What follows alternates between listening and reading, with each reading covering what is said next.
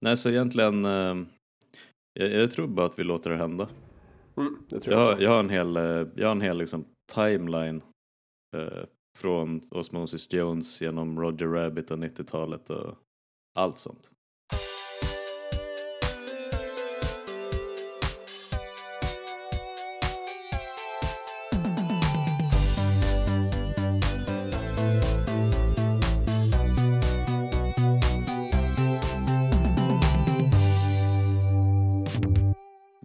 Nej men eh, vi är tillbaka i, inte i rutan, vad säger man? I öronen på folk. I etern brukar man väl säga. I etern, Fast, fast ja. inte finns, men det är det man brukar till, tala om. Eller gör den? Vem vet? Det är kanske inte konsensus just nu. Men eh, eh, vi är här i alla fall. Och jag sa det tidigare innan vi började spela in att så här går det när, man, när du ber mig att göra en kort recension på en film. Mm. Då hamnar man plötsligt här i ett bonusavsnitt av fulkultur. Ja, verkligen. Men ingen är gladare än jag för det, eftersom att vi kommer prata om någonting jag tycker mycket om. Ja, jo, någonting som jag också tycker mycket om. Eh, så det, det bäddar ju verkligen för, eller utsikten är goda ska vi säga. Mm. Sen är det lite trist att, att vi inte har berättat för Amanda och Leot att vi gör det här. Men ibland ska man kuppa. Ibland måste man få lite busig också, bara köra. Och jag kvällen till har gjort sånt infernaliskt svart kaffe också. Det är nästan för bittert. Men eh, det, det kan vara bra för det, det, det blev lite större än vad vi hade tänkt. Alltså originalpitchen var att jag ska göra en recension på en film som heter Osmosis Jones som jag såg för ett par dagar sedan. Ja, som du frågade mig vart man kunde få tag på. Apple TV eller iTunes Video Store eller vad den heter. Där gick den att hyra. Hyrde du den eller köpte du den, Gustav? Nej, jag hyrde den. 39 spänn. Proffsigt. Det var det värt det. Mm. Um, så jag såg den bara nu, nu i helgen för ett par dagar sedan.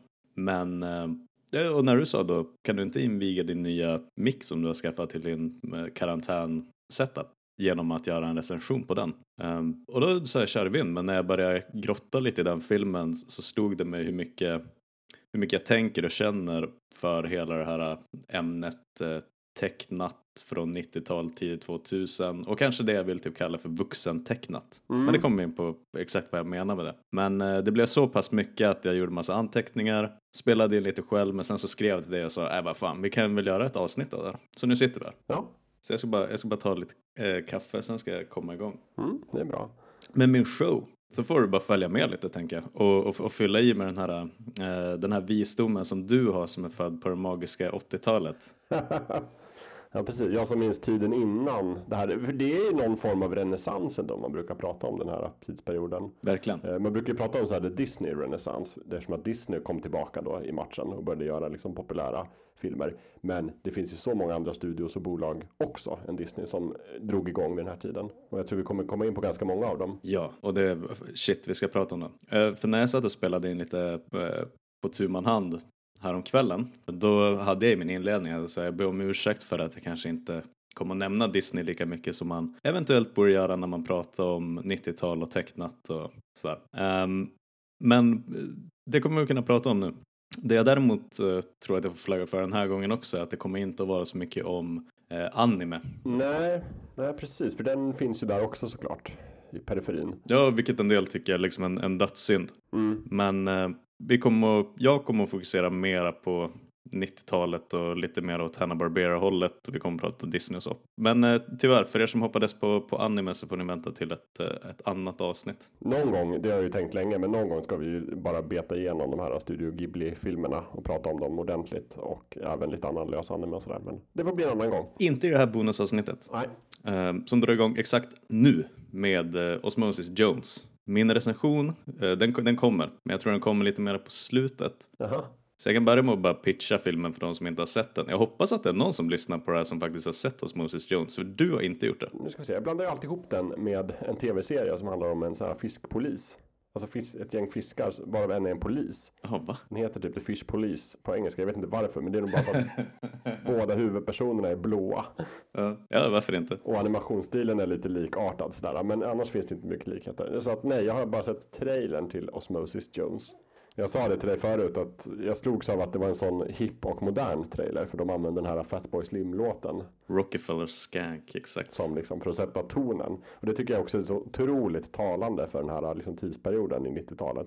Att det är liksom, det är kända namn och det är cool modern musik. Ja, för du sa att eh, du minns också att eh, William Shatner gjorde rösten till Mayor Fleming i den där filmen. Just det, precis. Mm. Men han är egentligen bara toppen av isberget. Och som du säger, många tecknade filmer på 90-talet och tidigt 2000 de har ju helt eh, sagolika röstensembler. Mm. Precis, och det tror jag vi kommer komma in lite på, liksom, min teori om var det där började och, och vad det ledde fram till eh, inom, ja, lite längre fram i avsnittet. Ja, shit, superspännande. För det har jag inte, jag har inte tänkt så långt just på det. Men det har jag. Men jag bara konstatera att eh, alla A-listers har gjort en tecknad karaktär någon gång på 90-talet. Definitivt. Men för att gå vidare, alltså för någonstans så börjar det att Osmosis Jones är en av de här filmerna precis som eh, Mary Poppins och eh, Roger Rabbit. Vad har vi mer? Kanske Peter och draken? Ja, precis. Alltså både tecknade och otecknade. Exakt. Eller live action som man säger på engelska. Bara för protokollet också, alltså när vi säger tecknat så menar vi ju traditionellt handritat tvådimensionell animering eh, kontra typ datoranimerat. Jag gör det i alla fall. Alltså om, om jag säger tecknat då menar jag liksom klassiskt tvådimensionellt. Ja, okej. Jag har nog börjat använda tecknat både även för liksom 3D-animerade filmer. Det var då typ Babblarna. Ja, men alltså även, jag menar, vad heter de? Shrek och eh, Toy Story, de här är ju, ty- ser jag som tecknade. Så de är ju datoranimerade. Eller okej, där kanske jag mera, det skulle jag kalla för en animerad film. Ja, okej. Men vem vi kan kalla tecknade för att man faktiskt har tecknats, det är ju kanske mera korrekt. Eh, eller jag jag har inte tänkt att tvinga på dig någonting men bara så att du eh, håller isär vad jag, eh, för jag kommer att säga tecknat fram och tillbaka. Men då menar jag alltid traditionellt animerat. Okej, då är jag med. Och det är de här filmerna, Roger Rabbit och Osmosis Jones, att det är både spelfilm Mm. och i Osmosis Jones är det en, en ganska medioker komedi med Bill Murray och i regi av de här Farrelly-bröderna, alltså Dum Dummare. Just det. Vilket är en fantastisk film, men de har ju några eh, gy- gyllene gåsar och några kalkoner på deras samvete, de där bröderna. Mm. Lite högt och lite lågt kan man säga. Ja, lite högt och lite lågt, verkligen. Ehm, så det är ena sidan. Och Bill Murrays karaktär lever ett väldigt osunt leverne och dag så käkar han ett ägg som har ett virus på sig. Oj. Och då får man följa med ägget ner i magen och där introduceras den, den tecknade filmen där Chris Rock ger rösten till Osmosis Jones som är en vit blodkropp som är snut i Frank då, huvudkaraktärens kropp. Eh, otro, och otroligt fyndigt, det är liksom väldigt, eh, väldigt talande för resten av den tecknade filmen också. Att allting bygger på såna här putslustiga pappaskämt om eh, kroppen fast som ett samhälle. Mm. Så det är liksom så här organiserade brottsligheten hänger i såna här eh, typ ångbad uppe i armhålan och det finns en poppis nattklubb som heter Finnen för att han har fått en finne i pannan så det är liksom lite passa på medan den finns. Ja. Alla går dit. Och vad har vi där? Jo, Chris Rock gör rösten till Osmosis. Eh, William Shatner gör rösten till borgmästaren Fleming som är lite av ett kryp. Eh, Lawrence Fishburne gör det här eh, Thrax-viruset otroligt bra. ja. Eh, och en rad andra eh, väldigt kända röster Mm. på alla karaktärer. Han som spelar, eh, vad fan heter han, Kramer i Frasier, han gör rösten till eh, ett piller som Frank sväljer för att bekämpa eh, hans halsont som är första symptomet för det här viruset. Mm. Så får man följa dem då helt enkelt i någon typ av hårdkokt snuthistoria när de försöker stoppa viruset som för dem är en brottsling men för Bill Murray så handlar det om att han håller på att brinna upp av, ett, av en sjukdom typ. Skillnaden från typ Roger Rabbit är väl att i den filmen så måste ju de riktiga skådisarna Bob Hoskins och alla andra göra sitt bästa för att få det att se trovärdigt ut när tecknade karaktärer ska interagera med dem Mm eh, i, i rutan liksom. Men i Osmosis så är de liksom, de delar inte scener. Nej, alltså man, man får följa Bill ett tag och så sen så dyker det in i kroppen och så blir det tecknad film. Okej. Så de är väldigt separerade på det sättet. Um, Space Jam är ett annat exempel som vi ska prata om. Just det, jag tänkte precis på den. med, med snurresprätt. Mm, eller hur? Från, 90, från 96. Den är mitt så den ska vi prata om. Och det är också ett exempel när Snurre Sprätt och alla Looney Tunes interagerar med Michael Jordan. Och de ska så här, låtsas att, eh, att han kastar någonting på dig nu och får det så trovärdigt ut. Ja, precis. För det är väl också Warner Brothers som har gjort. Och, Osmosis är väl också en Warner-film. Exakt. Så de verkar vara väldigt inne på det här med, med mixed. Att det ska vara tecknat och live action. Mm. Men det är inte bara dem. Eh, vi kommer komma in på det. Nästa steg här på mitt papper där det står timeline. Jag har ju dragit massa streck och pilar. Så från Osmosis så började jag tänka så här, fan shit, det finns ju massa andra sådana spelfilm tecknat. Mm. Och Roger Rabbit fantastisk film. Släpptes 1988 i regi av Robert Zemeckis. Just det. Som de flesta kanske känner igen från bam, bam, bam, bam, Forrest Gump. Och eh, Castaway skulle jag säga. Det också. Ja, men mycket, mycket Tom Hanks. ja. Vilket är skumt för att jag tror nog många skulle säga att ja men okej Robert Zemeckis det är han som har gjort lite Tom Hanks filmer som blev superkända. Men eh, tidigare än så så har ju hela hans karriär präglats av att han har pushat visuella effekter i sina filmer. Mm, precis. Ja men eh, det är ju Tillbaka till framtiden regissören också väl? Eh, exakt. Och där kan man ju verkligen snacka specialeffekter som var före sin tid. Jajamän. Det jag lärde mig lite när jag satt och researchade inför vad som blev det här avsnittet nu var att jag visste inte hur viktig Roger Rabbit var för det som du pratade om, Disney-renässansen. Mm. Och egentligen renässansen för eh, animation, framförallt i USA på slutet av 80 och egentligen hela 90-talet. Mm. Eh, för då lärde jag mig att Roger Rabbit kom alltså 88 och blev så framgångsrik både hos kritikerna och för biopubliken. Vann eh, tre Oscars tror jag. Men gjorde att flera företag, Disney där bland annat, pumpade in jättemycket pengar på sina anim- animationsavdelningar igen. Vilket då födde fram, då fick vi Lilla Sjöjungfrun och vi fick Lejonkungen och alla andra liksom 90-tals Disney-klassiker.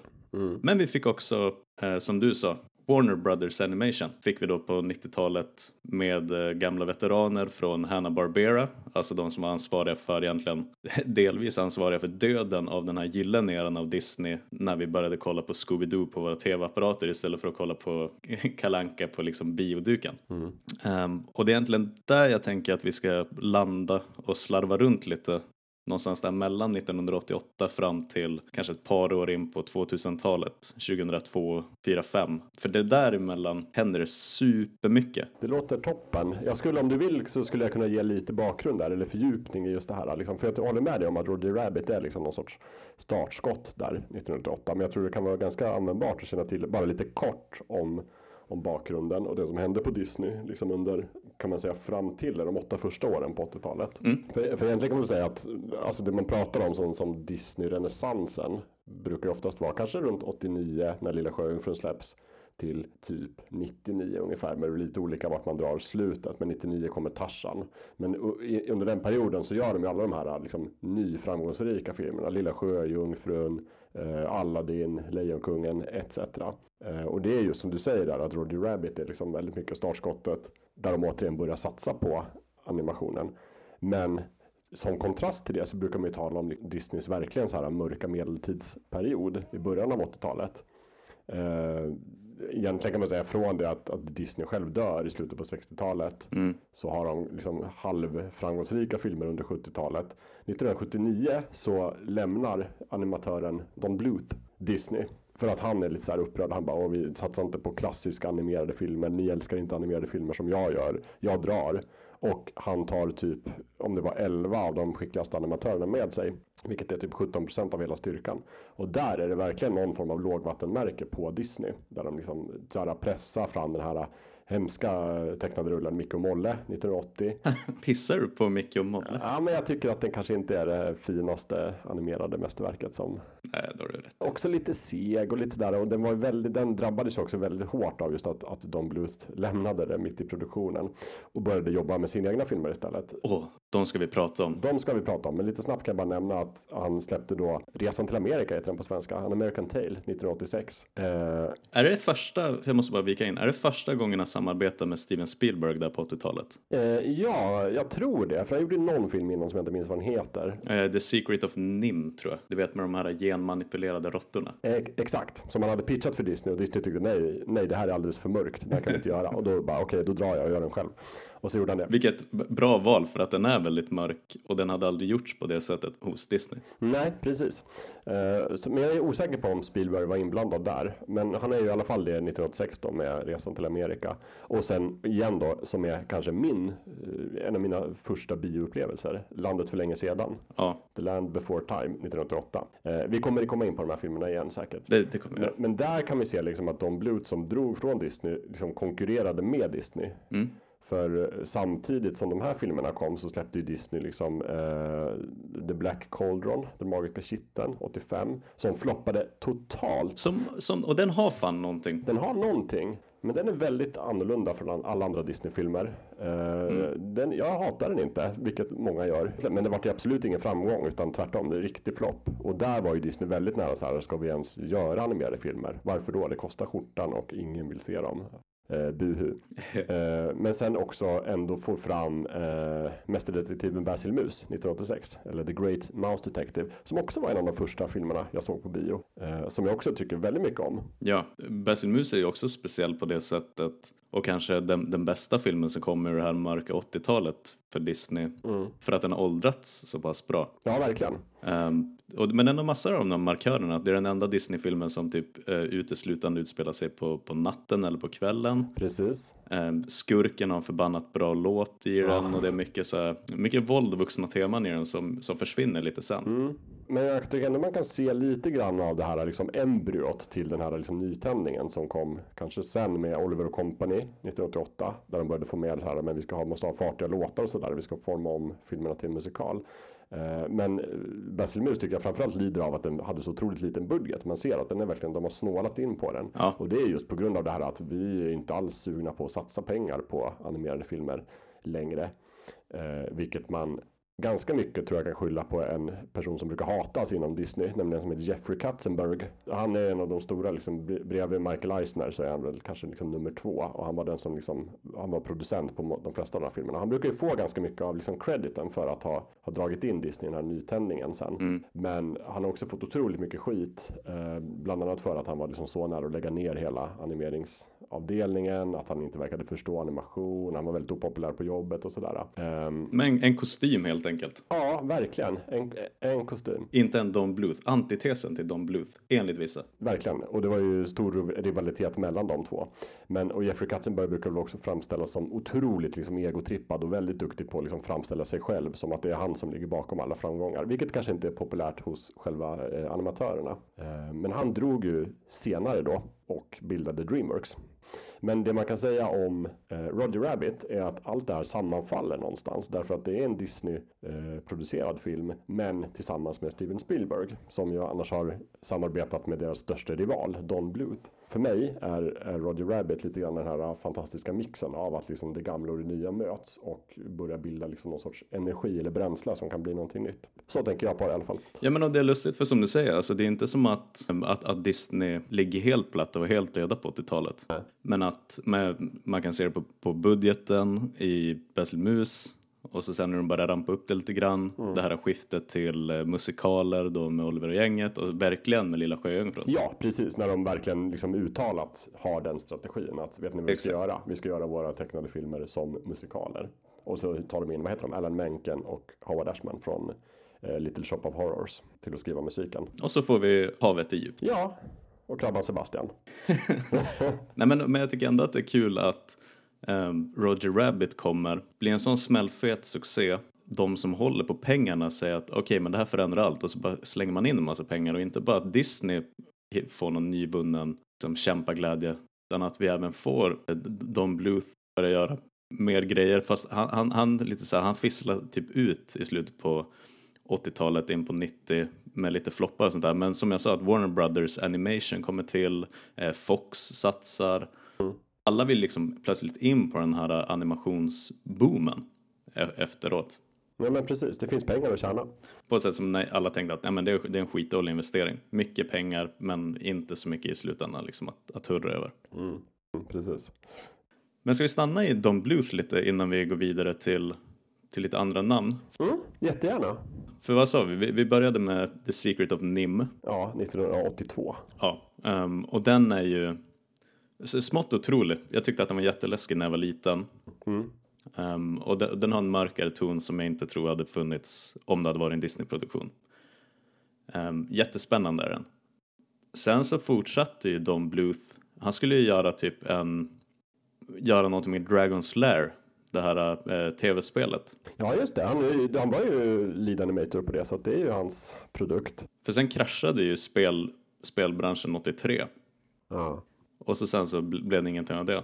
Sen så träffade han eh, Steven Spielberg, eller ja, han gör eh, Bluth Studios med en snubbe som heter Morris Sullivan.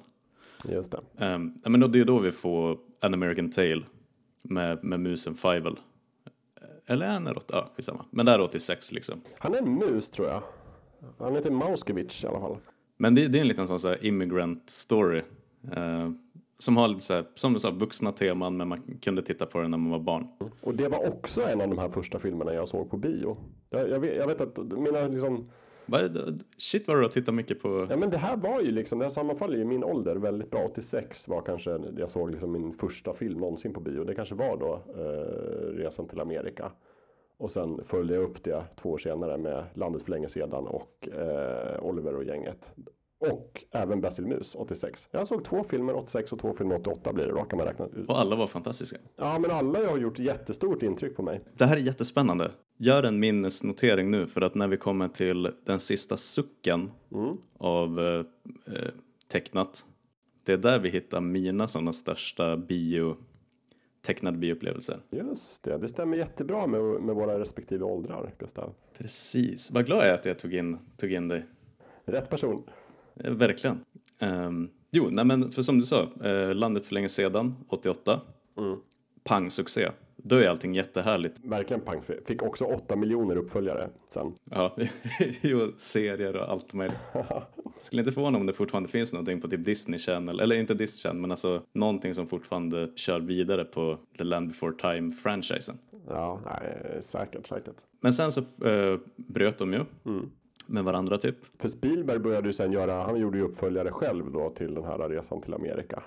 Vild- vilda västern och sådär, men den var ju inte Don Bluth inblandad överhuvudtaget. Nej, för han gick ju vidare på, en, ehm, på eget bevåg och gjorde den här All Dogs Go to Heaven. Och den kom ju ett år efter eh, Roger Rabbit, så nu är vi inne på den här eh, efter startskottet som den här kaninjäkeln drog igång. Mm, precis. Och den är ju, det är en väldigt bra film. Eller, och väldigt mycket så här nostalgi som snurrar runt kring den. Jag tror det till och med är uttryckt så på Wikipedia-sidan eh, som jag läste igår. Det var lite trist att den öppnade typ samtidigt som Lilla Sjöjungfrun. Det blev lite svårt. Det får man ju säga. Eh, så lite kultfilm. Har man inte sett Old Dogs Go to Heaven så men det, är så här, det, är så svårt att, att hitta flera av de här filmerna som vi kommer att prata om i det här avsnittet. Så även om det kommer vara en diger länklista så är det lite så här, mycket släpptes inte ens på DVD. Utan har man tur så har man en VHS någonstans. Precis. Men det är liksom 80-talet för Don Bluth. Sen så eh, gick det väl lite isär för honom på 90-talet på något sätt. Ja, för då började han ju jobba åt Fox. För Fox tänkte ju precis som alla andra att men vi ska ju också ha en animeringsstudio. Och så grundade de Fox Animation Studio. Så där vet jag bara att Don Bluth var med och gjorde två filmer, nämligen Anastasia 1997. Vilket är en skitbra film. En av mina favorittecknade filmer. Och den hyllades av så här Roger A. Ebert och sådär. Men, men floppade ju ekonomiskt. Ja, för sen, eh, nu kommer vi in på 2000, men det finns en film som heter Titan eh, AE. Som också är en jättebra film. Som är en jättebra film, Matt Damon är den och resterna. Vet du vad det är Gustav? Det är den första film jag köpte på DVD. Va? Ja, för jag köpte den tillsammans med min DVD-spelare när jag skulle flytta hemifrån och flytta, börja på universitet. Då köpte jag en DVD-spelare och en DVD-film. Och då köpte jag Titan AE. Jag har inte ångrat det. En, ja, nej, jag ska inte spoila slutet på filmen, men det är bara en detalj som jag inte riktigt håller med om. Men um, jättehäftig film. Alltså, Ja, te- tecknad science fiction är, är vi inte jättebortskämda med. och den är så snyggt tecknad också. Den har ju verkligen Ja. blandat det här. Alltså den innehåller ju en viss datoranimering såklart. Men den är ju verkligen tecknad också. Um, sen vet jag inte, det, det var mera typ andra när jag var liten. Det var någon som tog med sig när vi skulle kolla på film på mellanstadiet, lågstadiet. Det är den där Fern Gully, Sista regnskogen, finns den som heter. Ja, just det. Um, och en annan sån Don Bluth, där han haft fingrarna med i spelet på Fox, är eh, samma som Roger Rabbit, en sån här mix mellan spelfilm och tecknat, eh, The Page Master med Macaulay Culkin. Jaha, oj, den har inte jag sett. Och den har jag sett halva av när den gick på tv hos min mormor för flera, flera år sedan. Såg du den tecknade halvan eller den otecknade halvan? Nej, men den är verkligen eh, blandad. Att Macaulay Culkin springer runt i någon halvtecknad värld. Liksom. Ja, okej. Eh, men det är lite småläcker, men det finns någon anledning till att man inte har hört talas om den lika mycket som eh, Roger Rabbit och Mary Poppins och dem. Mm. Men den finns i alla fall. En, en annan sån superflopp som, som vi ska nämna, eh, då kommer vi in på ett annat namn, nämligen Ralph Bakshi. Mhm. Känner du till det namnet? Nej, det gör jag inte. Om jag säger så här, Sagan om ringen från 78, Ja, okej. Ja, såklart. den tecknade. Mm. Oh ja. Ehm, han är också en sån där uh, typ lite Don Bluth karaktär. som har gjort mycket bra tecknat. Um, och 92 så vill han göra sin Roger Rabbit eh, med filmen Cool World. Ringer det någon klocka om jag säger Cool World? Ja, Kim Basinger va? Exakt, och eh, Gabriel Byrne och eh, en ganska ung Brad Pitt. Just det. Vilket också typ är samma grej. Jag tror att Gabriel Byrne spelar en typ tecknare som trillar in i sin egen värld på något sätt. Och Kim Basinger spelar en sån jättestor eh, bystad eh, femme fatale karaktär. Ja, precis. Vilket också lite påminner om typ Roger Rabbit. Ja, Jessica Rabbit där ja. Eh, exakt. Um, men det var både en kommersiell och så här, in, Roger Egbert tyckte inte om den filmen. Nej, för den, jag har väl alltid tänkt på den lite som en så här, ja men det är väl den där som är typ en billigare kopia av Roger Rabbit. Mm. Och det, det syns verkligen Um, Roger Rabbit funkar ju för att det är trovärdigt. Jag tycker att de spelar jättebra mot de tecknade karaktärerna mm. och de in, in, integreras väldigt bra. Men gå in på Youtube och googla Cool World ja. så kan du se någon scen med Brad Pitt och Kim Basingers karaktär och det är inte bra för fem öre. Nej. Man kan verkligen se hur han står liksom ensam i ett rum och pekar mot en tom säng och säger stanna där. Och så har de bara lagt in henne eh, lite, lite slarvigt liksom. Mm. Men en väldigt häftig idé så att jag, jag får liksom applådera, eh, vad säger man? Det, det, det är tanken som räknas. A for effort kanske? A for effort. Minuspeng för genomförandet men bra idé. Eh, exakt. Mm. Men någonstans där så slutar det väl med eh, mina tankar kring eh, Ralph Bakshi. Jag har bara sett att han har fått en eh, han håller på med en ny film eh, fram till 2008 i alla fall, kraschen där. Men sen så tror jag att han har, fick igång den igen på Kickstarter. Jaha, se där ja. Så han har någonting, det, det, kan hända att vi får Ralph Bakshi någon gång framöver. Vad kul, då kanske vi kan få en ny Don Bluth-film också via Kickstarter, det vore ju fantastiskt. Ja, eller hur? Verkligen. Sen, jag tror också så här att mycket, nu verkar det ju vara en dålig film, Cool World, men mycket måste ju också handla om ju så här när de släpps. För jag menar 92 är året då Aladdin kommer, det måste ju, ja. det måste ju ha påverkat. Det tror jag definitivt. Um, men um, som sagt, tillbaka till Don Bluth en snabbis. Vi får Pagemaster, Fern Gully, Anastasia, de kommer där på 90-talet. Ja. Um, och så sen 2000 så det är väl nådastöten på något sätt med Titan AE. Och efter det så stänger de ju Fox Animation Studios. för att de bara, nej det här går fan inte. Vi la ner alldeles för mycket pengar och fick ingenting tillbaka. Så lite trist för Don Bluth, men vilket, uh, vilket legacy han ändå har. Verkligen. Med allt från NIM och Landet för länge sedan. Mm. Så vi har ju väldigt, väldigt mycket att tacka. Och det är därför jag inte heller kan sitta här och påstå att det inte fanns eh, bra tecknad film före 90-talet. För vi har ju Don Bluth till exempel. Mm. Oh ja. Men då går vi in på nästa gigant och det som gör att, har du några sådana tjocka rosa skimrande glasögon på dig redan kanske? För nu tar jag på mig mina. Oj då, okej. Okay. Ja. Nej men och det är när vi kommer in på Warner Brothers eh, spåret. Mm. För de vill också in på de tecknade pengarna. Självklart. Um, och jag nämnde ju Hanna Barbera tidigare, vilket de flesta som lyssnar borde känna igen som, uh, liksom, om man kollade på Cartoon Network när man var ung så var det jättemycket Hanna Barbera. Alltså det är ju Scooby-Doo, Jetsons, alla sådana. Ja, ja, familjen Flinta och... Precis. Så gamla Hanna Barbera eh, veteraner startar eh, Warner Brothers Animation, vilket blir deras animeringsavdelning. Mm. Och där får vi ganska tidigt, på tal om Steven Spielberg, han har varit med i supermycket tecknade eh, grytor genom åren.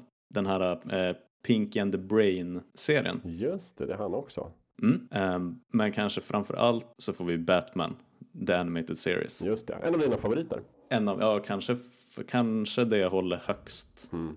inom animerat någonsin. Det är man eh, det är så kul att han också heter Bruce, men Bruce Timms. Som, och det är verkligen den Bruce Wayne som jag växte upp med, med den här extremt grova käken. Mm. och det här magiska introt eh, som är väldigt art deco mm. inspirerat med blixtarna på taket och ja, väldigt vackert. bilen som startar. Ja, otroligt. Um, och så sen så kommer det en massa grejer från Warner Brothers Animation under 90-talet. Vi får ju Batman bli en långkörare, vi får en massa filmer från den serien och lite fan hans moster. Mm. Och mycket tv också. Jag menar, du har Tiny Toon Adventures är väl också Warner Brothers och Animaniacs som också Steven Spielberg ligger bakom. Ja, eh, vi får ju också, om vi tar lite tecknade filmer, eh, kanske mest känd av alla, Järnjätten. Mm, just det, Brad Birds första långfilm. Eh, Brad Bird som sen ska göra eh, superhjältarna. Precis. Så jag ska, inte, jag ska inte pissa för mycket på det jag kallar för datoranimerat för att det är en av mina favoritfilmer all time. Mm. Eh, och den är ju verkligen dig digital. Oh ja. Men eh, Iron Giant eh, blir en jättestor. Eh, liksom nu åtminstone, en, en superklassiker av, av Guds nåde. Mm, precis, men gick den så bra när den kom? Nej, inte Alltså, för de jämför sig såklart med Disney som bara exploderar på 90-talet med Lejonkungen och alla klassiker. Mm. Så även om, eh, även om många satte höga betyg på Järnjätten så blev det ju inte en Disney-succé. Och de andra, Quest for Camelot, har du sett den? Eh, det har jag faktiskt inte gjort. Nej. Eh, det är också en bra tecknad film Mm. som har en lite mörkare ton. Eh, en annan som heter Cats Don't Dance på engelska. Mm. Men de, de lyckas liksom inte på bioduken åtminstone att eh, tävla med Disney. Men de vinner ju kanske på eh, våra tv-apparater Mm. med mycket av det de gör. Eh, sen ska man inte glömma bort heller att Disney går ju som tåget på tv också. Det är ju under 90-talet vi får alla Darkwing Duck och Räddningspatrullen. Fyll på med fler. Ja, men alla de, hela den här Disney Afternoon showen är ju därifrån. Ducktails, Piff och Puff, Piff och Puff, exakt, exakt. Luftens hjältar. Luftens hjältar. Ehm, är det mycket så här, för att eh, Darkwing Duck kan jag tänka mig att du tycker är för jävla trevligt. Ja, absolut. Det var ju lite sådär, den kom, jag kommer inte ihåg exakt året, men det var väl lite sådär när man kanske egentligen var lite för gammal Mm. för att gilla tecknat. Men jag gjorde det ändå. Och just Darkwing Duck var lite såhär, man kunde se det lite distanserat och ändå det var okej på något sätt. Så, och så sen så kommer det såklart eh, på 90-talet och när man tänker tecknat så är ju inte eh, direct to video begreppet så smutsigt. Eh, för det är mycket att det kommer en Aladdin på bio och blir en jättesuccé. Sen får vi Aladdin 2 och 3 som kommer direkt till VHS och visas på tv. Eh, samma sak med, eller Lejonkungens uppföljare kanske gick på bio allihopa. Ja, eventuellt. Jag vet faktiskt inte. Men alltså som koncept så verkar, var det ju väldigt många Disney-filmer som gick på stora duken, sen kom det uppföljare eh, på tv liksom. Mm, precis, som var mycket billigare producerade. Mycket billigare producerade. Och det kunde man se väldigt tydligt även när man var liten att det var, det var en annan kvalitet på speciellt bakgrunderna. Och där var det ofta så att Disney hade ju sin Feature Animation Studio som var den stora studion som fick göra den första filmen. Men sen de här uppföljarna la de ju oftast på sina tv-animationsstudior som låg typ i Australien och Europa och Asien och sådär. Det var därför jag tyckte att det var så häftigt om man tar typ Warner Brothers att Batman kom som en animerad serie som gick liksom på lördagsmorgnarna. Eh, Men sen så med jämna mellanrum så fick vi de här filmerna och då var det ju tvärtom att budgeten var uppbumpad och animeringen var snäppet vassare. Och man kände att wow, nu får man någonting väldigt speciellt här. Ehm, Så det är läckert. Men, eh, eh, och egentligen det, det här jag skulle vilja toucha ner när vi är inne på Batman, mitt första väldigt konkreta exempel på när jag slänger mig med uttrycket vuxentecknat. Just det, det sa du i början ja. Mm.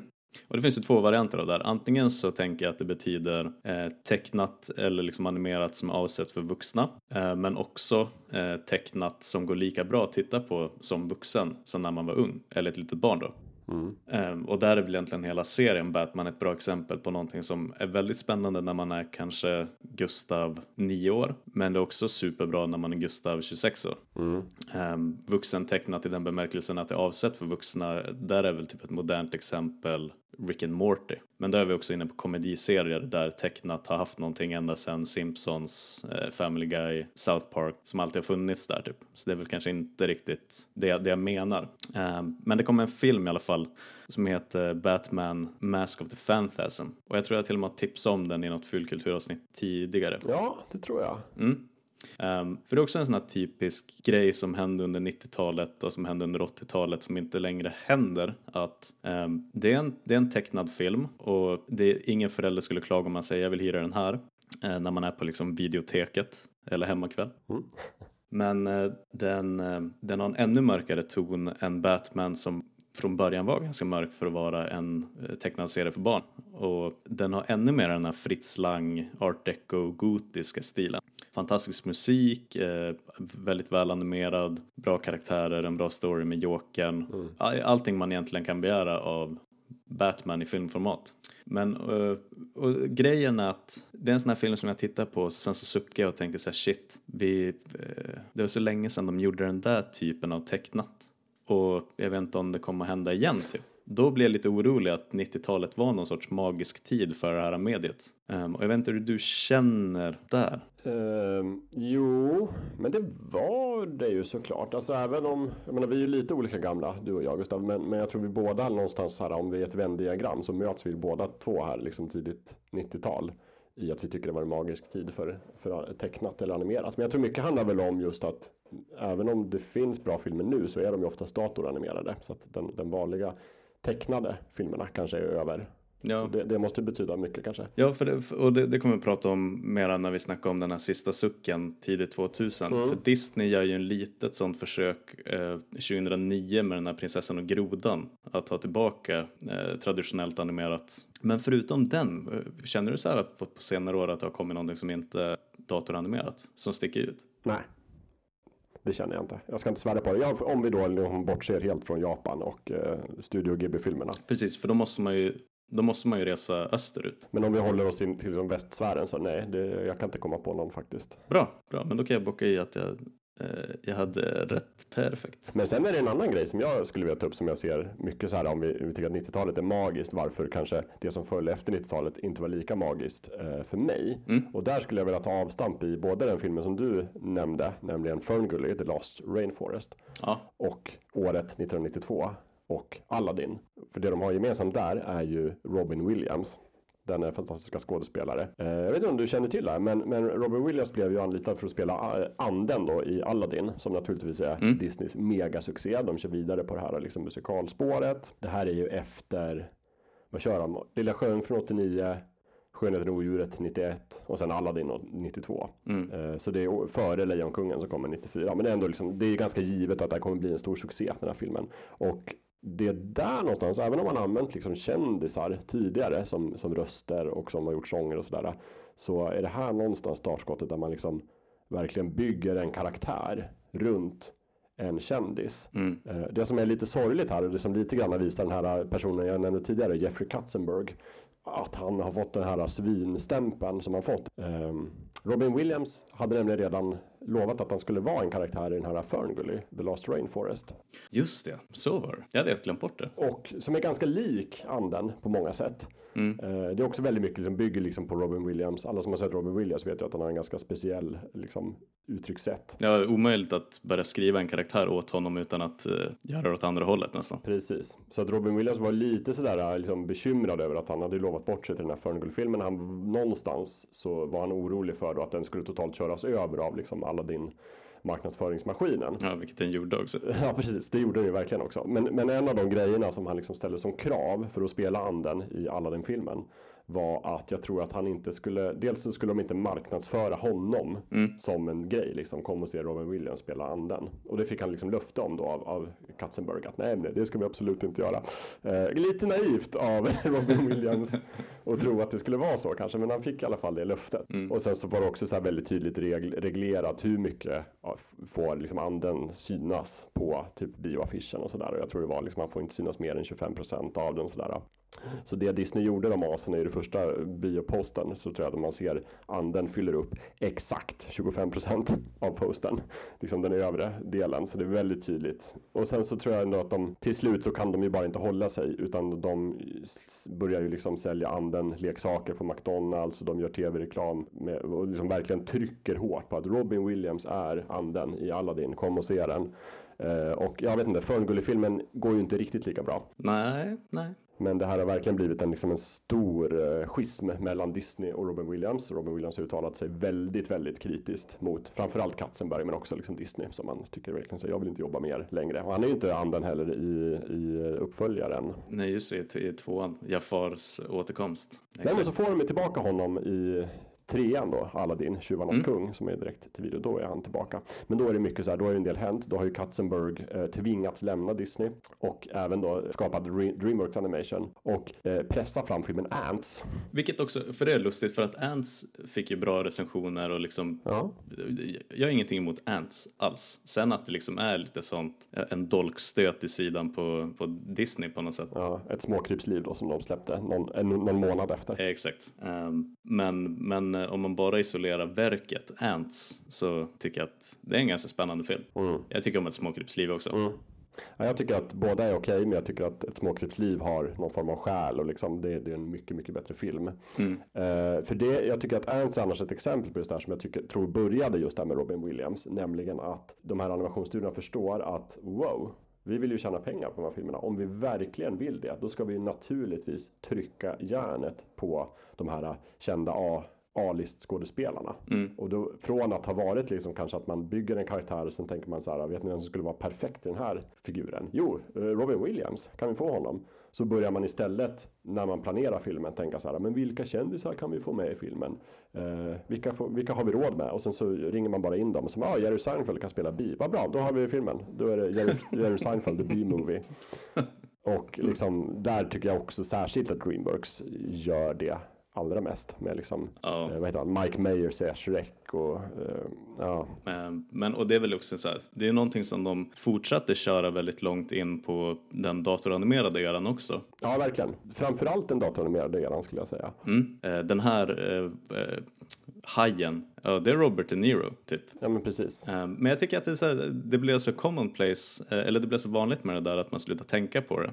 Sen så kom det ju plötsligt tillbaka nu med senaste Lejonkungen där rösterna bakom karaktärerna blev liksom den stora säljpunkten igen. Att Beyoncé är, Ja ah, just det, du menar den här liksom typ inom citationstecken live action remaken. ja, Som är jättekonstig. Eh, För nu har vi väl gått in på att, att datoranimerade tecknade filmer är så verkliga att uh, linjerna suddas ut. Det är svårt att tänka mig någon film som mindre behövde en remake än Lejonkungen faktiskt. Men då var vi plötsligt tillbaka där igen att säga Mm. Key och Peele är Timon och Pumba Ja men precis. Mm. och så vidare. Ja visst. Men ja, du har, du, det stämmer nog där. Att just den här hetsen att vi, vi kan marknadsföra, det räcker med att rösten är med i filmen. Ja, Så länge det kan stå jävligt st- i stora bokstäver, Mm. Robin Williams är anden, då kommer folk att kolla bara därför. ja. Och sen kan jag tycka liksom att framförallt kanske Pixar Studios ofta går emot den trenden. Jag tycker de ofta liksom bygger sina filmer på att men det här ska vara en väldigt bra film framförallt med en bra historia. Åtminstone i början. Jag har faktiskt inte sett de senaste Pixar-filmerna. Men, men jag kan tycka att man lite förlorade någonting där. Att man liksom, det vart väldigt cyniskt där att nu måste vi ha en kändis eller ett gäng kändisar. Och sen så kan man egentligen se hur, så här, hur mycket pengar hade studion. Det är bara att kolla på vilka, hur dyra kändisar hade de råd med. För det finns ju några som är riktigt så här, okej, ni hade bara råd med liksom C-skådisarna. Men jag kan tycka att det där speglas också i vilka som gjorde de svenska rösterna i framförallt Disney-filmer på typ 90-talet. Ja, absolut. Det är ju helt, alltså det är ju såhär Sven-Bertil Taube och Micke Persbrandt och eh, Eva Fröling, alla liksom stora kändisar som ställer sig säkert in och så här, du vet, eh, inte så jätteimponerande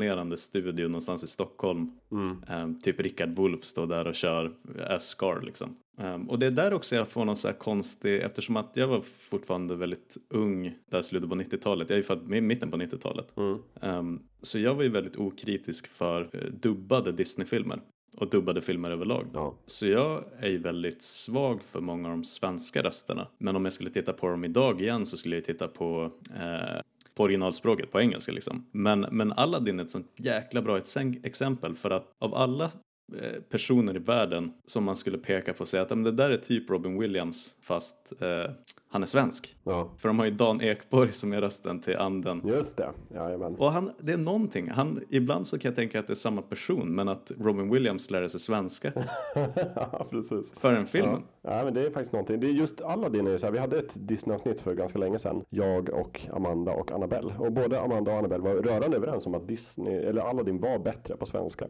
Mm.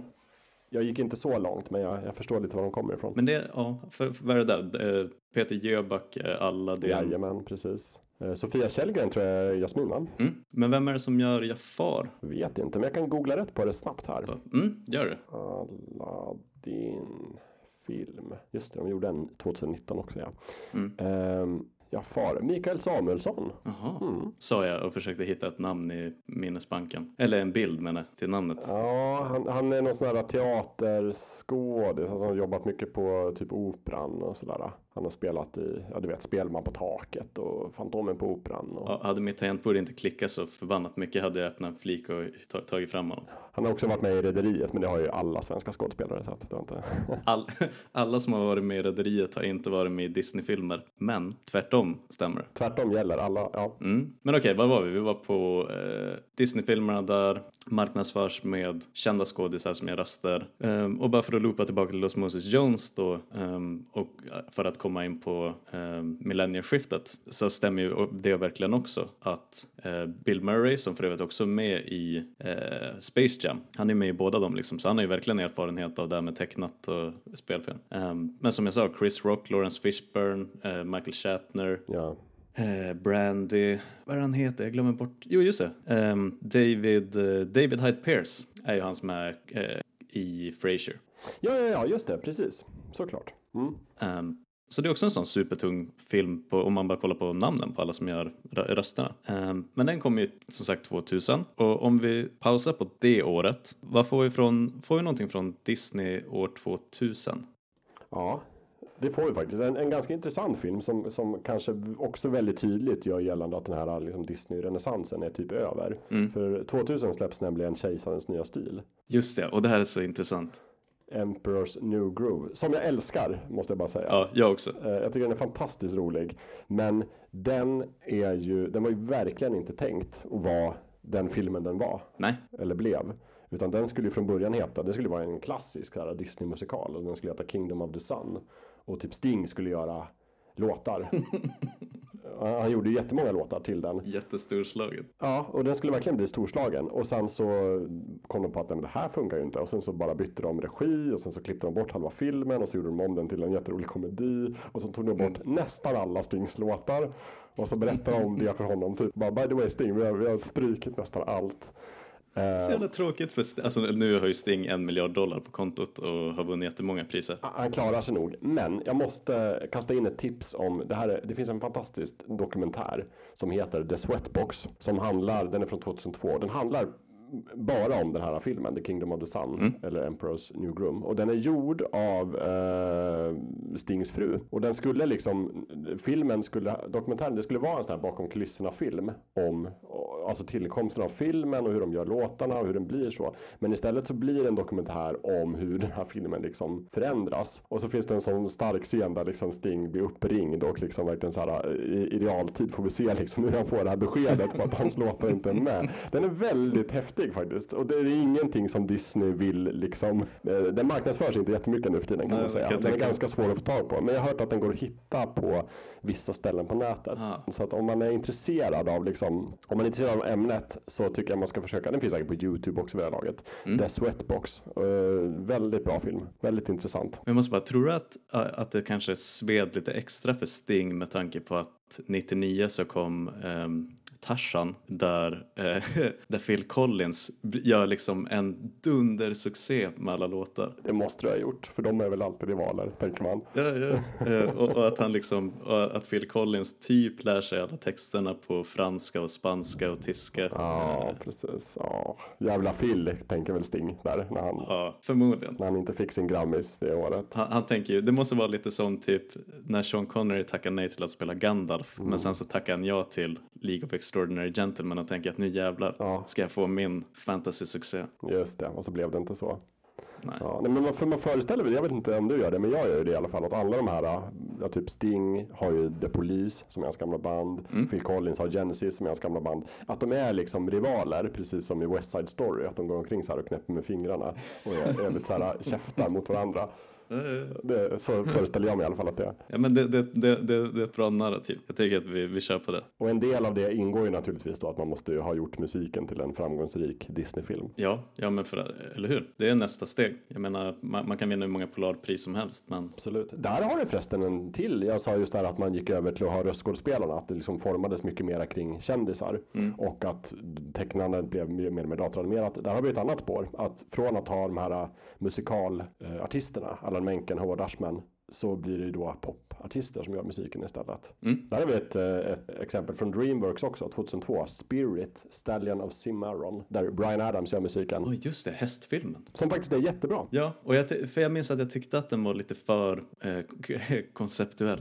Lite pretto när jag var liten. Men eh, mina granntjejerna älskar den. Mm. Och har man, om man inte hatar Brian Adams så är det faktiskt ett jävligt bra soundtrack. Mm? Nej, är det någon som hatar Brian Adams? Ja, det är väl en stor del av västvärlden gör väl det. Men, men jag hatar inte Brian Adams. Eller vad, har han gjort något dumt? Nej, men de bara tycker att han är liksom, det är väl inte så, här, så kreddigt att gilla Brian Adams. Ah, okej. Men eh, jag gillar ju alla artister som har varit på Storskyran någon gång, så att Ja, och, och det borde du göra också. Mm. Det om någonting är en kvalitetsstämpel. verkligen.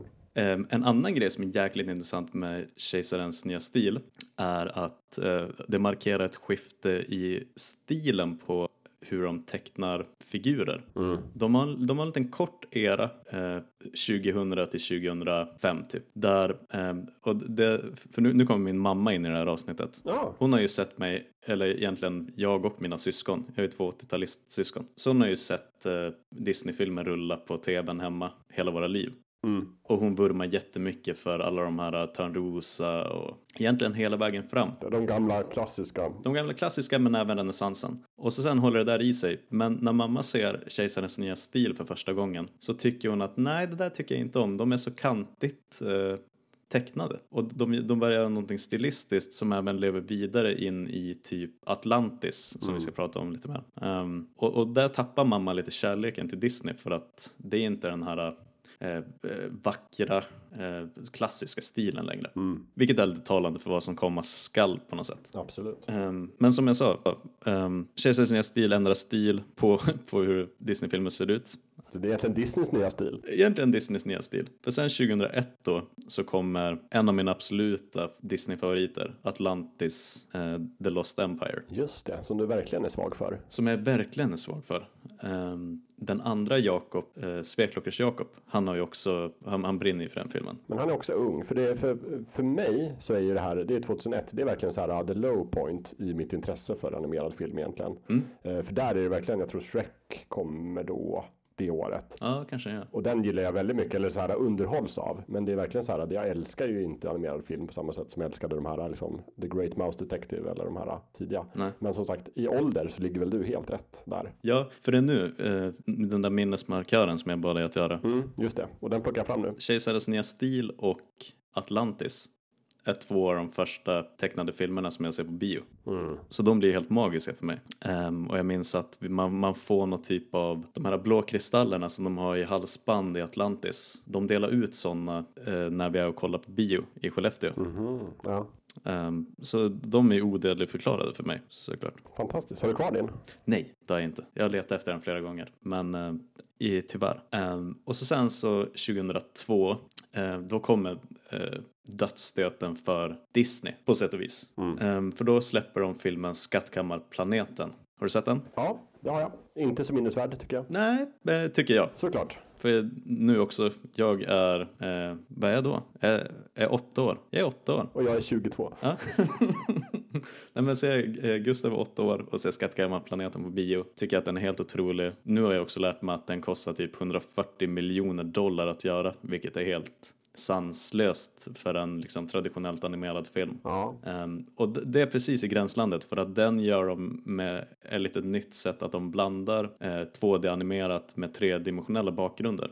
Eh, men den blev svindyr och floppade kommersiellt. Så någonstans där så säger de så här, ajabaja, det här kommer vi inte att göra om. Eh, det är mycket, mycket lättare för oss att göra digitalt animerade filmer. Eh, Folk tycker att det är skitkul. Ja. Den där gröna jätten på Dreamworks går som tåget. Så nu skiter vi i det här. Och så sen så måste jag vänta på sig fram till typ, eller okej, de hinner med att släppa Lilo Stitch. ja just det. Den kommer 2002 också ja. Mm. Ehm, men, men den är också speciell för att då har de redan dragit ner på budgeten för traditionellt animerat. Och det är därför alla bakgrunder i Lilo Stitch är eh, vattenfärg. Jag vet inte om du har tänkt på det? Som ju är så himla vackert. Jo, jag har tänkt på det. Den är supervacker. Eh, sen har de också otur för att de sitter och eh, gör Lilo Stitch 2001 och så sen händer 9-11 och hela eh, klimaxet i Lilo Stitch är att de flyger en som Boeing 747 genom Hawaii och typ kraschar in i en massa byggnader. Så de måste scrappa slutet och göra om det. Ja, precis. Jag kommer ihåg. Um, så det är lite så här speciellt på flera sätt. Men Lilo Stitch på något sätt blir så här, det markerar typ slutet. Och man kan redan säga att de börjar dra in på pengarna. Men som du sa, det är en otroligt vacker film. Så det var ju ett sånt happy mistake. Men det är så intressant för att jag sitter just nu och tittar bara på den långa Wikipedia-listan över filmer som Disney eh, producerade och distribuerade under den här tiden. Och man ser ju verkligen så tydligt vad som händer i branschen här rent kommersiellt. Alltså för medan Disney släpper de här egna filmerna, typ Atlantis, eh, Kejsarens nya stil, Lilo Stitch, eh, Skattkammarplaneten. Samtidigt så släpper de också en uppsjö av de här direkt till video uppföljarna. Jag menar det är, det är Djungelboken 2 och det är typ eh, allt vad de heter. Ja. Eh, Bambi 2, det är liksom eh, kassa direkt till videofilmer. Samtidigt så är det också så här otroligt framgångsrika Pixar-filmer som börjar komma den här tiden. Det är liksom Toy Story 2, det är The Incredibles. Eh, som är megasuccéer och helt datoranimerade. Ja, Och samtidigt, och det är ju liksom pengar som Disney får också då naturligtvis som att de har samproducerat dem. Men det är ju inte Disneys egna filmer på det sättet. Eh, Men samtidigt så är det också så här att Disney distribuerar Studio Ghibli-filmerna i eh, USA. just det. De får ju tag på ehm, Spirited Way alltihopa. Ja, precis. Det började med Spirited Away 2002. Och då är det också så här oerhört kritikerrosade och väldigt framgångsrika och liksom helt 2D-animerade. Ja, men och typ mytförklarade redan på något sätt. Ja, verkligen. Så tänk att jobba på Walt Disney Animation Studios där och vurma för så här traditionell, vi ska väl ändå handteckna som vi gjorde förr i tiden. Så kommer folk bara skratta åt det. För de bara, nej men vadå, japanerna har det där och vi har ju, det är ju, kolla här, det är ju datoranimerat som gäller. Man måste ju ifrågasätta sin egen existens lite grann. Ja, verkligen. Och det tycker jag man ser. Äh, Jag förstår att du gillar Atlantis och, och Skattkammarplaneter och sådär. Och de, är säkert, de har säkert kvaliteter. Ja, men de floppade ju liksom. Men följer man några år framåt så ser man ju den här liksom Bror Björn är väl ändå ett fåtal personer som tycker om. Då ska man ju verkligen ha rätt ålder. Eller vad, säger, vad känner du inför den? Men den gillade jag. ehm, ja, ja, absolut. Eh, för den är också lite sånt där, eh, det där Tarzan-aktiga med Phil Collins och br- bra låtar. Den är mysig, det är inte en film som jag tittar på eh, varje gång jag får chansen. För sen 2004 kommer ju Home on the Ranch. Eller Kogänget som den heter på svenska. Mm, såg på bio. Som är den, den, den sista traditionellt animerade. Innan då Prinsessan och Grodan som kom tillbaka. Vad trist att eh, ranchen var sista på något sätt. Men den såg jag på bio, minns det tydligt. Mm, men tyckte du om den? Eh, då var det ju magiskt att gå på bio egentligen oavsett vad man såg. Eh, men det är en av de här Disney-filmerna som jag inte har tänkt på sen dess förrän du påminner mig om det ikväll. Och det säger någonting. Nej, ja, just det. För, för mig så är ju Kogänget är ju den sämsta Disney-filmen som har gjorts. Förutom kanske då Micke och Molle. Men den, de, de två filmerna, Micke och Molle 1980 och Kogänget 2004. Mellan de två lågvattenmärkena så ryms ju hela den här liksom klättringen till renässansen. Verkligen. Och sen fallet. Så är det för mig. Så jag, jag, jag har inga känslor för Kogänget överhuvudtaget. Men det är nog det egentligen. Kogänget är väldigt oinspirerad om man jämför med resten. Mm. Oinspirerad. Ja, Eh, men vad kul. Vad sa du att det var 2004? mm, precis. Och om vi ska typ sätta någon typ av stopp för inte bara Disney. Eller okej, innan vi gör det. Då, jag tänkte på, för om man, om man då tänker så här att Disney själva inser att någonstans så här 2002 när Skattkammarplaneten förlorar svin mycket pengar för dem. ehm, då tror jag att många andra, typ Warner Brothers ehm, och Fox och så vidare, inser att okej, om Disney själva inte kan lyckas med traditionellt animerad film Eh, vi ser att de har gått över till datoranimerat. Eh, Dreamworks går skitbra med Shrek och alltihopa. Eh, då kanske inte vi ska lägga svin mycket pengar på, på det här heller. För att giganterna, eller giganten Disney kan liksom inte. Eh, Och det kan man ju se supertydligt med, med typ Warner Brothers att de går liksom lite tillbaka till att fokusera på, eh, på tv igen. Eh, precis där i, i millennieskiftet så får vi ju fantastiska Batman Beyond och en av de bästa Batman-filmerna någonsin, eh, Jokerns återkomst. Den har jag tipsat om tidigare. Eh, men de slutar ju med tecknade filmer egentligen efter, ja, men, eh, efter 2000 någon gång. Och som vi sa, eh, Titan AE kommer 2000, floppar, eh, de slutar liksom. Eh, Warner Brothers försöker kriga sig vidare med Looney Tunes efter eh, Space Jam. Just det. Looney Tunes back in action. Mm. Men det blir en total flopp liksom. Mm. Så kan det gå. Så, så de, de försvinner ju tillbaka in i, liksom, vi visar våra grejer på, på morgon-tvn på helgerna och på typ Cartoon Network etc. Ja.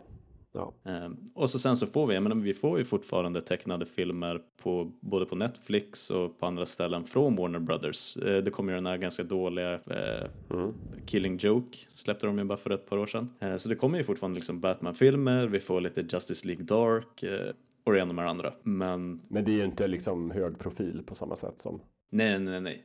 Det, det, kommer något så här att här, här har ni lite mera Justice League. Men det skulle ju aldrig dyka upp en tecknad, traditionellt tecknad film från Warner Brothers på, på bio på det sättet som alla går och tittar på. Nej, precis. Så, så, så det, det är verkligen liksom att, att det ruttnar och dör igen det som har hållit på sen sent 80-tal fram till något år så in på det nya millenniet innan Mm. datoranimation tar över. Ehm, Den sista lilla, så här, sista lilla sucken är väl eventuellt att Nickelodeon får världens framgång med eh, Avatar, The Last Airbender, sh- 2005 och så sen så håller ju det på eh, i typ tre år Eh, och så sen så kommer Legend of Korra eh, som inte blir en lika stor succé och Avatar är ju inte eh, det är inte liksom tecknade biofilmer men det blir verkligen ett fenomen Ja. och någonting som folk eh, mytförklarar liksom och tycker att det här är det bästa någonsin. Mm.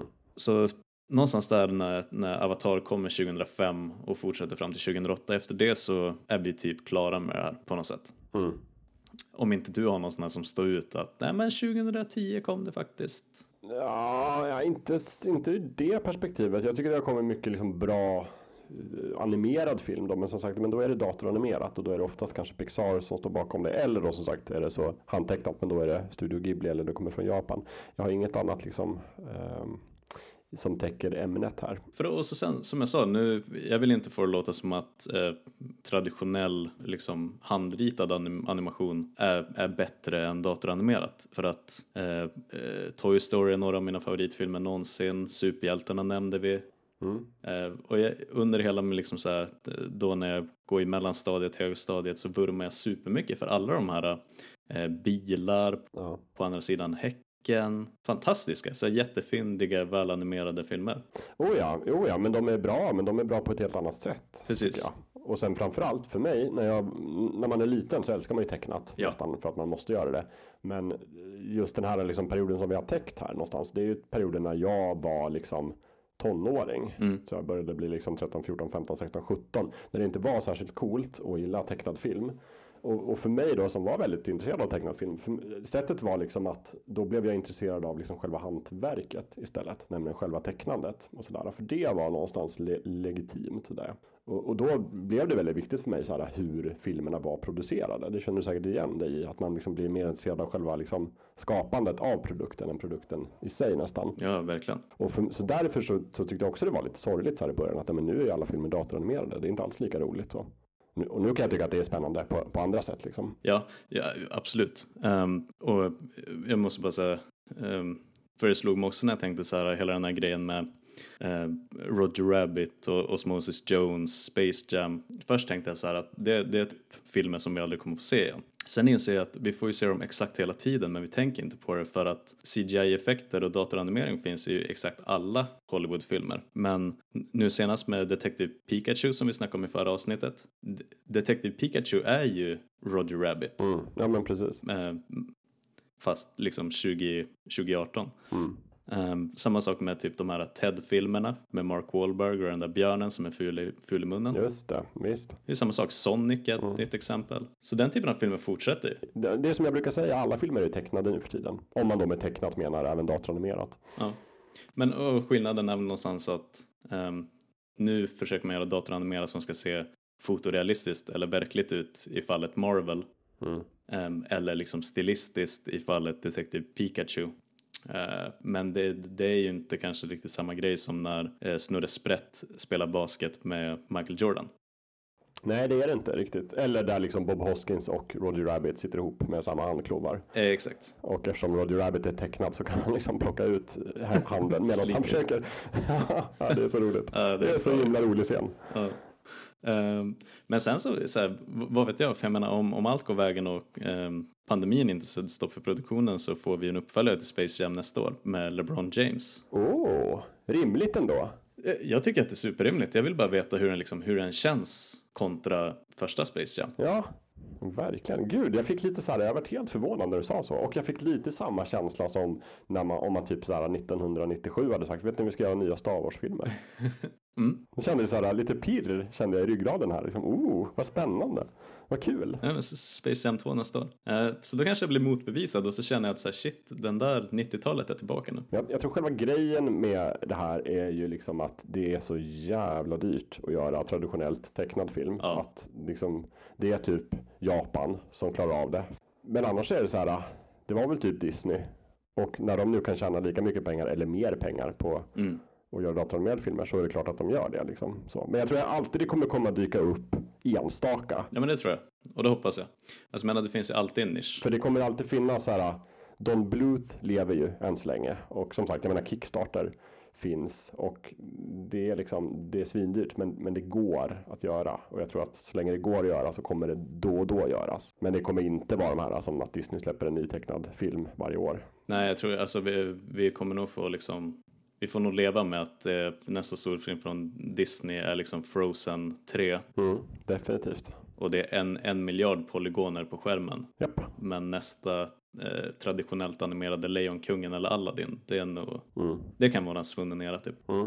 Men jag menar, vad fan, det finns ju grader i helvetet. Vi hade ju kunnat sitta här och sagt att åh vad jag liksom vill ha eh, stop motion filmer. Och så måste man vänta typ åtta år på att eh, Laika, Leica släpper liksom en ny Coraline. Eller leranimerat kan man ju vara stort fan av också. Det har ju också varit lite så här torrt sen Wallace and Gromit, Curse of the Were Rabbit. Jag tänkte så här, har det kommit någon riktigt bra leranimerad film sen dess? Nej, jag tror inte det. Sen var det väl Chicken Run, men den är från 2000 så den var väl tidigare. Där kan jag också säga att det finns en uppföljare till Chicken Run eh, någonstans halvvägs in i development hell. Så den är på gång. Jag hoppas att vi får en dag. Det tar ju så lång tid att göra leranimerat bara så att det är väl, får man väl vänta på. Men det kan det vara värt. Det är väl Dreamworks som ändå distribuerade den och gav pengar till Aardman Animation så det var ju, det var ju bra ändå. Sen också så här, du vet, eh, om man inte jobbar ensam så kanske det inte är jätte, jättecoronavänligt att om alla ska sitta och kladda på samma lergubbar och flytta dem en millimeter. Och, så jag vet inte hur, hur det går för produktionen där. Men jag hade jättegärna tagit in till uh, Chicken Run. Första är fantastisk film. Ja, jag med. Det är en riktigt bra eh, flyktfilm. Mm. Ehm, ja, alltså jag vet inte. Det är så här, jag hade egentligen, jag, jag önskar att jag kunde komma fram till så här, men 2020, var är vi nu och vad väntar sen? Lite som, som spanarna, när Ingmar Storm alltid säger, men eh, framtiden då? Ja, just det. Och så kommer det någon singer eh, från typ Sissela Kyle. Jag har egentligen ingen sån. Nej, men, men det kanske inte var den typen av avsnitt heller, utan det här kanske var mer än liksom där vi verkligen grävde oss ner i en tidsperiod. Och Ja. ganska ändå stramt höll oss till ämnet, tycker jag själv. Ja, men det, det, det tycker jag verkligen. Eh, att vi, det måste jag säga, det gjorde vi oväntat bra. Fastän klockan är så mycket. Nej, men jag vet inte, alltså, för, att sammanfatta så kan väl jag säga, min slutplädering får bli att eh, det är omöjligt för mig att prata eh, helt sakligt om den här perioden för att det är min, det är min liksom barndom och då blir allting jätteskevt. Ja. Men tittar jag tillbaka på det nu så känner jag ändå att det man får känning av redan på 80-talet med typ An American Tale och Nim och alla de filmerna från Don Bluth vidare in i 90-talet med Disney-renässansen Mm. och all bra skit som Warner Brothers gjorde. Mm. Eh, så är det någonting som är väldigt magiskt och all, jag tycker att alla borde ha en sån period oavsett om det liksom är serier eller film eller böcker när man tittar tillbaka på det och säger att det där var helt magiskt. För många kanske det skulle kunna vara typ, eh, de var i precis rätt ålder för eh, Harry Potter-filmerna eller böckerna. ja, men precis. Oh ja. ja. Och så är de så här, åh, jag kommer aldrig att läsa en bokserie på samma sätt som jag läste eh, Harry Potter när de kom. Typ. Nej. Och, och för ganska många av oss tror jag som är liksom från min ålder till din ålder så är det ganska mycket animerade filmer som är som fyller de rollerna tror jag. Ja, ja men verkligen. Om man överhuvudtaget gillade att gå på bio så tror jag det är liksom, då är det tecknade filmer man mest såg och det var någonting liksom och det, det är ganska coolt. Ja, för, var, för, för som du sa, du har ju berättat tidigare, eh, way back när vi pratade om Sagan om ringen så berättade du att du såg första filmen på bio med någon dejt och att det var liksom väldigt magiskt. Eh, den typen av, jag minns när jag såg, jag var liksom i precis rätt sån ålder att bli wowad av eh, The Dark Knight bland annat, gick på högstadiet Mm. eh, och gick och såg den en gång till Mm.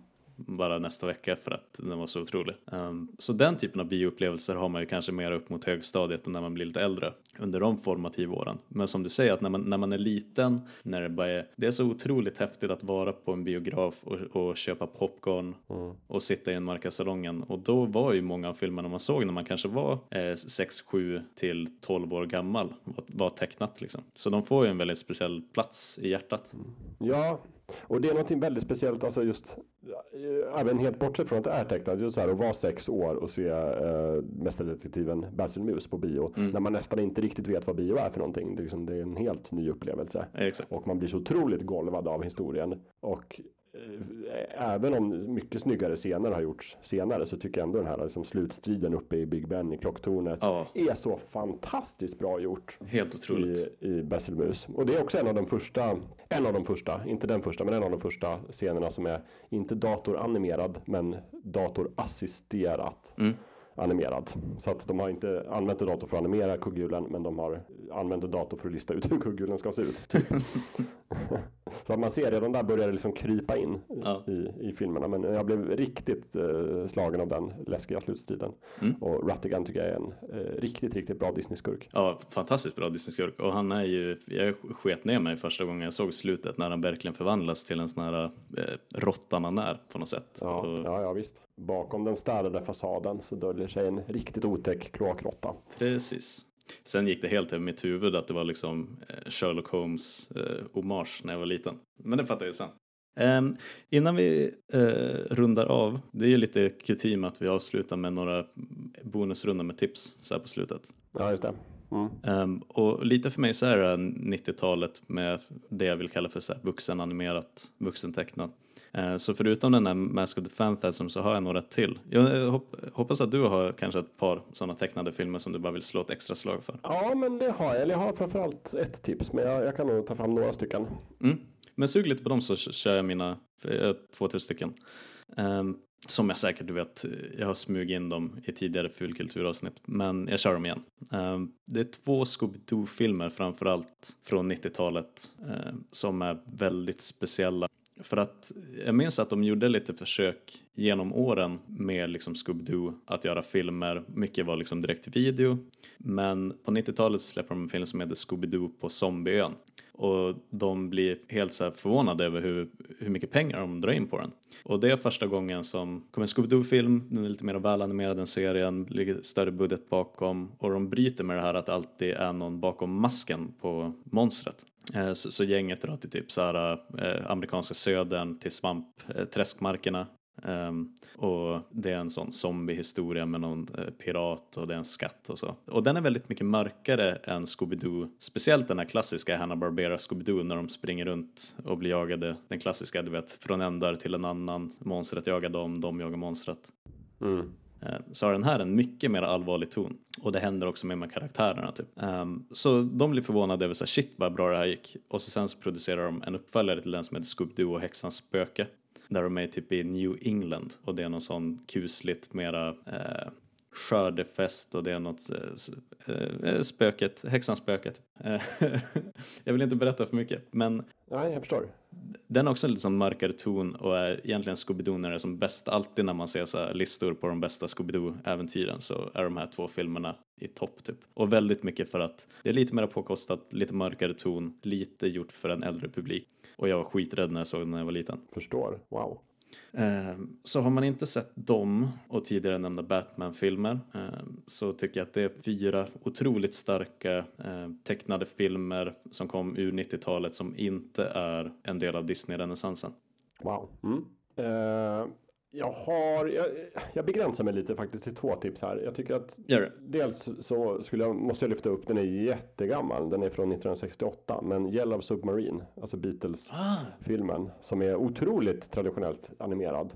eh, Och väldigt så här 60-tals flummig. Naturligtvis eh, svinbra musik.